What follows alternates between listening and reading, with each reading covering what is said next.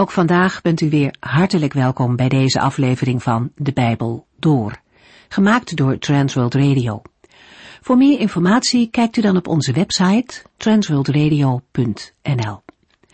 In deze serie gaat u in vijf jaar tijd met ons de Bijbel door, van Genesis 1 tot en met het laatste vers in Openbaring 22. U kunt vandaag in deze serie luisteren naar een Bijbelgedeelte uit het boek Spreuken. In de vorige uitzending hebben we daar een begin mee gemaakt. De eerste verzen vormen een inleiding op het hele boek. En koning Salomo omschrijft hierin het doel van zijn verzameling spreuken. Kernwoord van zijn boek is wijsheid. Salomo wil jonge mensen leren om wijs te handelen, om niet impulsief toe te geven aan allerlei verleidingen, maar om goede keuzes te maken. De basis van alle kennis en wijsheid ligt in het eerbiedig ontzag voor de Heere God. Vanuit die bron leren mensen om verstandige keuzes te maken en goede dingen te doen.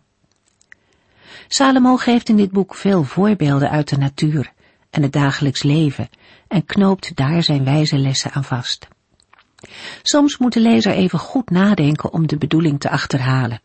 Sommige spreuken zijn nogal cryptisch. Dat nadenken om een spreuk te begrijpen helpt overigens ook beter om hem te onthouden. In de tijd van Salomo schreven koningen vaker een verzameling spreuken. En die waren dan meestal gericht aan de oudste zoon. Het boek van Salomo is niet specifiek voor zijn zoon Regabeam bedoeld. Hij richt zich veel breder tot vooral de jonge mensen. Maar wie al wat ouder en wijzer is, zal niet ontkennen dat er ook voor hem of haar nog veel te leren is. Sterker nog, een kenmerk van wijsheid is het besef dat er nog veel te leren valt. Verstandige mensen denken niet dat ze alles al weten. In de inleidende verzen van spreuken hebben we ook al kennis gemaakt met een groep mensen voor wie dit boek niet bedoeld is, namelijk de spotters. Aan hen is wijze raad niet besteed, zegt Salomo. We lezen verder vanaf vers 5 in Spreuken 1. In de vorige uitzending zagen we dat de eerste zeven versen van het Bijbelboek Spreuken een inleiding vormen tot de proloog en het hele Bijbelboek. Na het opschrift met de introductie van de schrijver volgen een aantal omschrijvingen van het doel van het Bijbelboek, terwijl het geheel wordt afgesloten met een verklaring dat eerbiedig ontzag voor de Heere het begin van alle kennis en wijsheid is. De bedoeling van het Bijbelboek wordt in de versen 2 tot en met 4 weergegeven met een opsomming van zaken die geleerd moeten worden. Het eerste doel wordt in vers 2 aangegeven, om mensen te leren hoe zij moeten leven. In het kader van spreuken kunnen we dan denken aan ontzag hebben voor de Heere en aan het eerbiedigen van de wijze lessen van de ouders. Een tweede doel van het Bijbelboek is de zin van dingen begrijpen. Ten derde hoopt Salomo dat er in dit leerproces een aantal zaken zal worden ontvangen, namelijk verstandigheid, eerlijkheid en oprechtheid in heel de levenswijze. Het vierde doel handelt over zaken die een leerling uiteindelijk aan anderen moet doorgeven. Salomo heeft als doel jonge mensen die makkelijk voor verleidingen kunnen vallen te helpen, niet impulsief te handelen, maar alles met beleid te doen.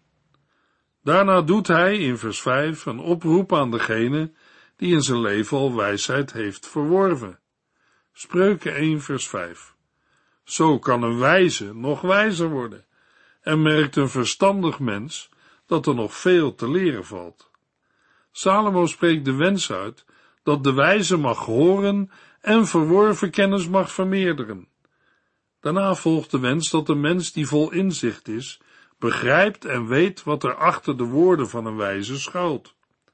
Daarmee wordt bedoeld dat wijze mensen hun weg door het leven mogen vinden en de spreuken, gelijkenissen, wijze woorden en raadsels van de wijze zullen kennen en begrijpen. Spreuken 1 vers 6 Een verstandig mens merkt dat er nog veel te leren valt, voordat hij deze spreuken goed begrijpt en weet wat er achter de woorden van een wijze schuilt. Het spreken in raadsels komen we in spreuken doorlopend tegen. Doordat dingen uit de natuur en uit het dagelijks leven worden gebruikt voor morele lessen. Deze vergelijkingen zijn doordacht en in eerste instantie cryptisch. De raadsels en spreuken prikkelen de hoorde tot reflectie en sporen uiteindelijk aan tot een juist handelen. Spreuken 25 vers 2 verwoordt eenzelfde gedachte als in vers 6 met de woorden God ontleent eer aan zaken die hij verborgen houdt. Maar koningen ontlenen eer aan het doorgronden van een zaak. De Heerde gooit geen parels voor de zwijnen. Ook de parels van wijsheid niet. Ze zijn waardevol en moeten worden gezocht. Het is net als met goud, diamanten en andere kostbaarheden. Ze zijn verborgen en moeten ontgonnen worden. De Heer Jezus zegt in Johannes 5 vers 39, U leest in de boeken van Mozes en de profeten. In andere vertalingen lezen we, U onderzoekt de schriften, omdat u denkt daarin eeuwig leven te vinden. Al die boeken getuigen over mij. De prachtigste diamant die een Bijbellezer in de Bijbel kan vinden is de Heer Jezus Christus. Als een mens zich aan Hem toevertrouwt, ontvangt hij of zij eeuwig leven. Luisteraar, heeft u Christus al gevonden? Jezus zegt dat al die boeken in de Bijbel van Hem getuigen. Een mens kan in de Bijbel heel wat prachtige dingen vinden, maar als u of jij de Christus niet hebt ontmoet in het woord van God, dan hebt u de enige echte schat en wijsheid nog niet gevonden. Eigenlijk is het nog erger gesteld met de mens, want als iemand Christus niet heeft gevonden, of zelfs beweert dat God niet bestaat, dan is hij of zij het tegenovergestelde van wijs, namelijk dwaas. David heeft het al opgeschreven in Psalm 53, vers 2 tot en met 5. Dwaze mensen denken dat God niet bestaat. Ze doen vreselijk onrechtvaardige dingen. Zelfs niet één ervan doet wat goed is. God kijkt vanuit de hemel naar alle mensen. Hij zoekt of er misschien één bij is die verstandig is, wellicht één die God zoekt. Maar allemaal hebben zij zich van hem afgekeerd. Allemaal hebben zij hem verlaten. Niemand van hen doet goed, nog niet één. Weten zij dan helemaal niets, al die zondaars? Voordat een mens de wijze woorden van de Heere goed begrijpt en weet wat er achter zijn woorden schuilt, moet er vaak heel wat gebeuren in een mensenleven. Salomo onthult waar de echte kennis en wijsheid te vinden is. Spreuken 1, vers 7. Maar de basis van alle kennis is het eerbiedig ontzag voor de Heere. Alleen dwazen schatten Gods lessen en wijsheid niet op hun waarde. De sleutel naar echte wijsheid en kennis is het eerbiedig ontzag voor de Heere. Hiermee wordt gesteld dat menselijke kennis verbonden moet worden met de relatie met de Heere. In het eerbiedig ontzag voor de Heere kan een mens de juiste verhouding tot God en de juiste levenshouding vinden. We lezen in het vervolg van spreuken dat zo'n ontzag leidt tot kennis van God. Maar ook dat u het kwaad, de trots, de hoogmoed, de goddeloosheid en leugens haat. Eerbied en ontzag voor de Heere leidt ook tot een lang leven, het vermijden van de dood, als ook tot wijsheid, nederigheid, eerbetoon en welvaart. Tegenover de weg naar de wijsheid staat de verklaring dat dwaze wijsheid en tucht verachten. Alleen dwaze schatten Gods lessen en wijsheid niet op hun waarde. Zij leren er niet van. Het Bijbelboek Spreuken wil ons bepalen bij fouten en missers die anderen al hebben gemaakt, opdat wij ervan zullen leren. Laten we goed luisteren en ernaar handelen. Spreuken 1, vers 8 en 9. Mijn zoon, luister naar de wijze lessen van je vader. Zoek je houvast in wat je moeder je geleerd heeft, Dat zal je in het leven verder helpen. In vers 9 spreekt een fictieve vader tot zijn zoon. De woorden mijn zoon komt twintig keer voor in spreuken. De uitdrukking functioneert vooral in de hoofdstukken 1 tot en met 9 als inleiding tot een nieuw gedeelte. Er zijn voorbeelden waarin een hoger geplaatste wordt aangeduid als vader. Ook in de Joodse literatuur treedt de wijze op als vader voor zijn zonen. Daarmee is duidelijk dat mijn zoon niet een letterlijke zoon hoeft te zijn. Het is aannemelijk dat we in Spreuken 1 vers 8 en in andere spreuken te maken hebben met een fictieve vader. De vader roept op om te luisteren naar zijn wijze lessen en naar het onderwijs van zijn moeder. Vergeleken met de Oosterse wijsheidsliteratuur is het ongebruikelijk dat zo'n belangrijke rol in de scholing van kinderen wordt weggelegd voor de moeder. Het is in het Oude Testament echter gebruikelijk dat beide ouders optreden als opvoeders en onderwijzers. In de praktijk lag het leiderschap wel bij de vader. In het voorgaande plaatste Salomo zich onder het gezag van God, en ook de ouders worden, als het goed is, gekenmerkt door eerbied en ontzag voor de Heer. Het is een rangorde waarbij de kinderen onderworpen zijn aan hun ouders. De opdracht tot gehoorzaamheid aan het onderwijs van de ouders wordt in vers 9 onderbouwd met de woorden: Dat zal je in het leven verder helpen. Goed voorbeeld en onderwijs van de ouders, als ook navolging van hun wijze adviezen, geven kinderen eer en aanzien. Gelovige ouders mogen de Heere dankbaar zijn als kinderen in het spoor van hun vader en moeder de Heere dienen. Tegelijk leven we mee met ouders en bidden voor kinderen die wel in de geloofsporen van hun ouders zijn opgevoed, maar voor zichzelf een andere keuze hebben gemaakt. Spreuken 1 vers 10 Mijn zoon, als zondaars proberen je over te halen, doe dan niet met hem mee. In vers 10 geeft de vader bondig de kern van zijn betoog weer. Hij verlangt van zijn zoon met nadruk niet toe te geven als zondaars proberen hem te verleiden. In de versen die volgen wordt de inhoud weergegeven. De verleidingen van vers 10 worden geschetst in de versen 11 tot en met 14, terwijl vers 10 met andere woorden wordt herhaald in vers 15. De wijze aanmoediging is, doe niet met hem mee.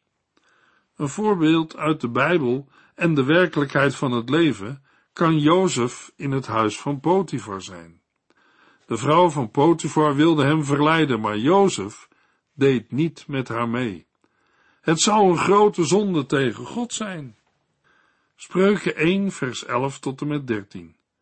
Ook niet als ze zeggen, kom op, we nemen er een stel te pakken. Wat maakt het uit als zij onschuldig zijn?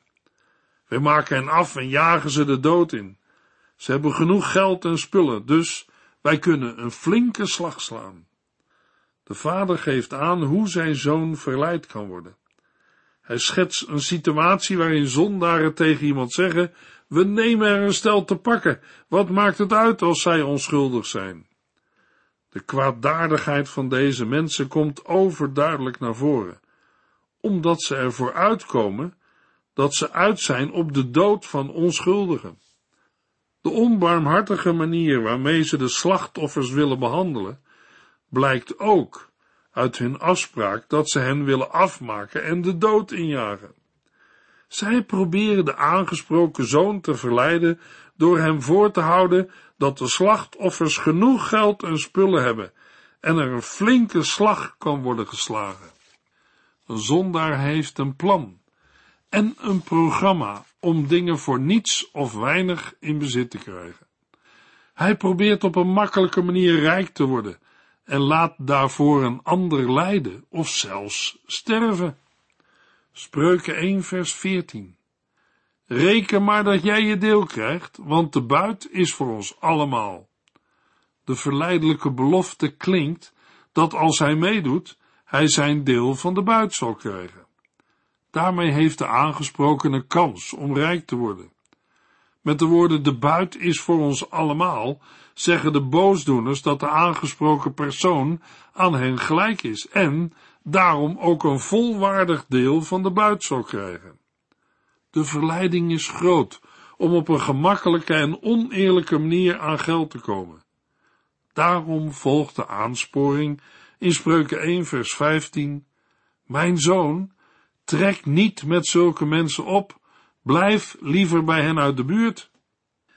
Na een weergave van de verleidelijke taal van de boosdoeners, waarschuwt de vader zijn zoon. Hij geeft het advies om niet met hen op weg te gaan en de voet niet op hun pad te zetten. Kortom, blijf bij hen uit de buurt. Bij de bespreking van 2 Korintiërs 6 vers 17 hebben we gelijksoortige woorden gelezen. Ga daarom uit hun midden weg. Keer u van hen af en raak het onreine niet aan. Dan zal ik u aannemen. Een mens moet niet voor dingen weglopen, maar soms is weggaan de veiligste en beste oplossing. Blijf bij hen uit de buurt. Spreuken 1 vers 16 tot en met 18. Ze hebben weinig goeds in de zin en gebruiken maar al te graag geweld. Als een vogel het vangnet ziet, vliegt hij weg. Maar deze mannen niet. Ze stellen hun leven in de waagschaal en vormen zo een bedreiging voor zichzelf. De vader stelt dat de daden van de boosdoeners uiteindelijk op hun eigen hoofd neerkomen. Vers 18 bevat de hoofdzin en vers 17 gebruikt een beeld uit het jachtleven om de volgende zin te verduidelijken. Zoals vogels hun eigen ondergang tegemoet gaan, gaan de misdadigers, terwijl ze het weten, hun ondergang tegemoet. We hebben hier te maken met een verhard persoon, die wel besef heeft van de gevaren die aan zijn daden kleven, maar die de consequenties van zijn handelen verdringt. Een zondaar kan weten wat het einde van zijn weg is, maar hij volhardt toch in zijn zondige weg. Ze denken voordeel te behalen door een ander te doden, maar ze zijn een bedreiging voor zichzelf. Spreuken 1 vers 19 Want wie zich zo probeert te verrijken, gaat aan die gewelddadige hebzucht ten onder. De vader sluit de redenering af met een conclusie die betrekking heeft op de wegen van alle mensen die er naar hunkeren om zich ten koste van anderen onrechtmatig te verrijken. Dergelijke praktijken zullen mensen te gronde richten en het leven benemen. De behoefte aan rijkdom is hier en op andere plaatsen in het Bijbelboek Spreuken een belangrijk motief in het menselijk handelen. Wie zich zo probeert te verrijken, gaat aan die gewelddadige hebzucht ten onder. Spreuken 1 vers 20 De wijsheid is niet moeilijk te vinden en wordt als het ware van de daken geschreeuwd.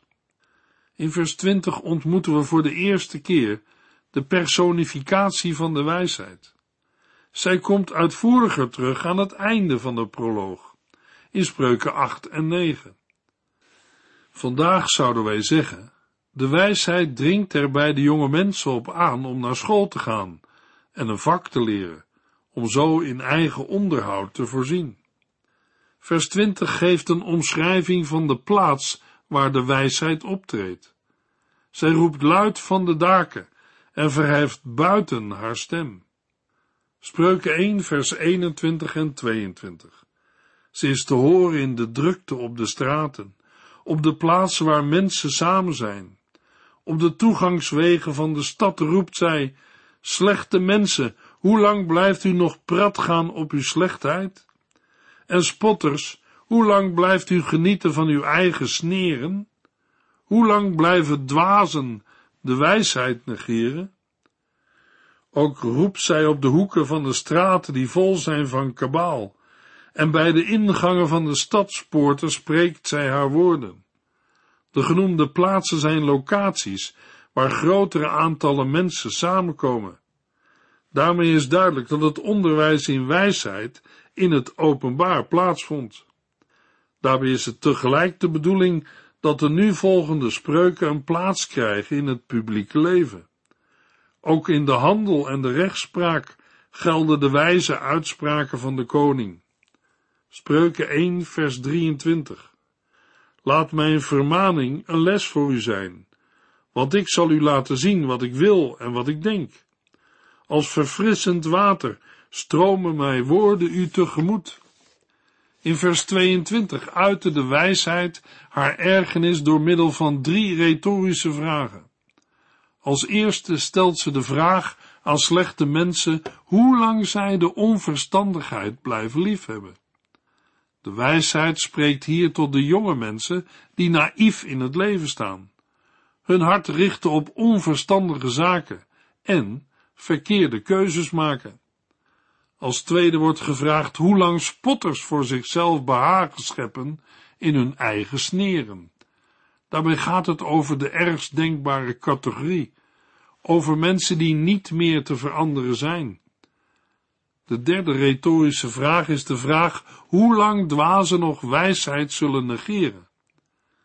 Na deze uiting van ergernis over de hardnekkigheid van mensen, presenteert de wijsheid in vers 23 een belofte die verbonden is met een voorwaarde. Eerder hebben argeloze spotters en dwazen zich in een verkeerde richting georiënteerd. Maar nu moeten ze zich omkeren en zich onderwerpen aan de vermaning van de wijsheid. Als dat gebeurt, zal de wijsheid laten zien wat zij wil en wat ze denkt. De wijsheid biedt zichzelf aan, en dat heeft het heil tot gevolg. Maar de wijsheid kan zich ook terugtrekken, en dat heeft dood en verderf tot gevolg. In deze verse treedt de wijsheid op met goddelijke autoriteit, en daarom hebben de volgende spreuken groot gezag. Spreuken 1, vers 24 tot en met 27. Ik riep, maar u luisterde niet, en niemand zag hoe ik mijn hand uitstak. Mijn raad heb u naast u neergelegd, en mijn vermaning wees u van de hand.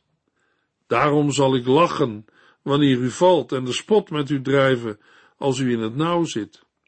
Mijn spotgelach zal u in de oren klinken, wanneer uw leven snel en meedogenloos wordt verwoest en u niets anders overblijft dan angst en uitzichtloosheid. In de versen 24 tot en met 27 volgt een terechtwijzing vanwege dingen die de hoorders hebben gedaan. De wijsheid geeft een opsomming van de redenen waarom het oordeel komt. De wijsheid heeft steeds geroepen en gewaarschuwd, maar de hoorders weigerden te luisteren. Er is sprake van een botte afwijzing en een soort verblinding. De wijsheid geeft aan dat de hoorders haar raad hebben verworpen. Haar raad hebben ze naast zich neergelegd en de vermaning van de hand gewezen. Na deze aanklacht volgt de beschrijving van het oordeel. De wijsheid verklaart nadrukkelijk dat zij zal lachen als de verschrikking over haar ongehoorzame toehoorders komt. Het valt op dat de wijsheid in vers 26 dezelfde woorden gebruikt als in Psalm 2, vers 4, waar staat dat de Heere lacht en spot om zijn tegenstanders. Wellicht had Salomo de woorden van deze psalm voor ogen en geeft hij hiermee het goddelijke karakter van de wijsheid aan. Een verschil tussen het spreken van God in die psalm en het spreken van de wijsheid is dat de tekst van de psalm gaat over de overwinning op vijanden, terwijl de wijsheid zich distancieert van haar hoorders op het moment dat hun onheil komt. De wijsheid treedt zelf niet actief op. Het oordeel kan plotseling en vernietigend komen, snel en meedoogloos, als een wervelstorm. Zo komt angst en uitzichtloosheid over de slechte mensen. Spreuken 1, vers 28 tot en met 33. Ja, dan zullen ze mij roepen, maar geen antwoord krijgen. Zij zullen hun best doen mij te vinden, maar zonder resultaat. Ze wilden immers niets weten van kennis en inzicht, van eerbiedig ontzag voor de Heere. Ze legden mijn adviezen naast zich neer en wezen mijn vermaningen af. Daarom moeten zij de gevolgen dragen en ondervinden wat zij zich op de hals hebben gehaald. Want hun onwil wordt hun dood en hun voorspoed zal bedrieglijk blijken. Ook die kan hun val niet voorkomen. Maar wie wel naar mij luistert, hoeft zich nergens zorgen om te maken en hoeft niet bang te zijn voor het kwaad. De wijsheid beschrijft het definitieve karakter van het oordeel en de redenen daarvoor. Als het oordeel aanbreekt, zullen mensen roepen tot de wijsheid, maar die zal niet antwoorden. Zij zullen haar zoeken, maar haar niet vinden. Met deze zin wordt aangesloten bij vers 24, waar de wijsheid zich bekend maakte en de hoorders niet luisterden. Dit is een dramatisch moment, omdat bidden hier blijkbaar geen kracht meer heeft. De reden voor de radicale afwijzing is dat de kwaaddoeners adviezen en vermaningen afwezen. Ze wilden niets weten van eerbiedig ontzag voor de Heere. Daarom moeten zij de gevolgen dragen en ondervinden van wat zij zich op de hals hebben gehaald. Hun onwil wordt hun dood en hun voorspoed zal bedrieglijk blijken. Ook die kan hun val niet voorkomen. Het oordeel is definitief. In de slotoverwegingen wordt beschreven hoe het afloopt met de ongehoorzamen en de gehoorzamen. Zij die naar de wijsheid luisteren, zullen veilig wonen te midden van de dreigingen van het kwaad. De wijsheid spreekt met goddelijke autoriteit, zoals de Heere ook spreekt door de profeten. De verkondiging van de wijsheid stelt voor de keuze van leven en dood. Wie naar de wijsheid luistert, zal de ware rust en bescherming ontvangen. In de volgende uitzending lezen we Spreuken 2, vers 1 tot en met 22. U heeft geluisterd naar De Bijbel Door, in het Nederlands vertaald en bewerkt door Transworld Radio. Een programma waarin we in vijf jaar tijd de hele Bijbel doorgaan. Als u wilt reageren op deze uitzending of u heeft vragen, dan kunt u contact met ons opnemen. Tijdens kantooruren kunt u bellen op 0342 478432. 0342 478432. Ook kunt u een e-mail sturen naar de en natuurlijk kunt u ook via de post ons bereiken. TWR, postbus 371, postcode 3770, AJ in Barneveld. Dit programma werd gepresenteerd door Cor Weda en Ike André. Techniek was in handen van Odin van Voerkom. En wij allemaal bedanken u voor het luisteren. Graag tot de volgende keer.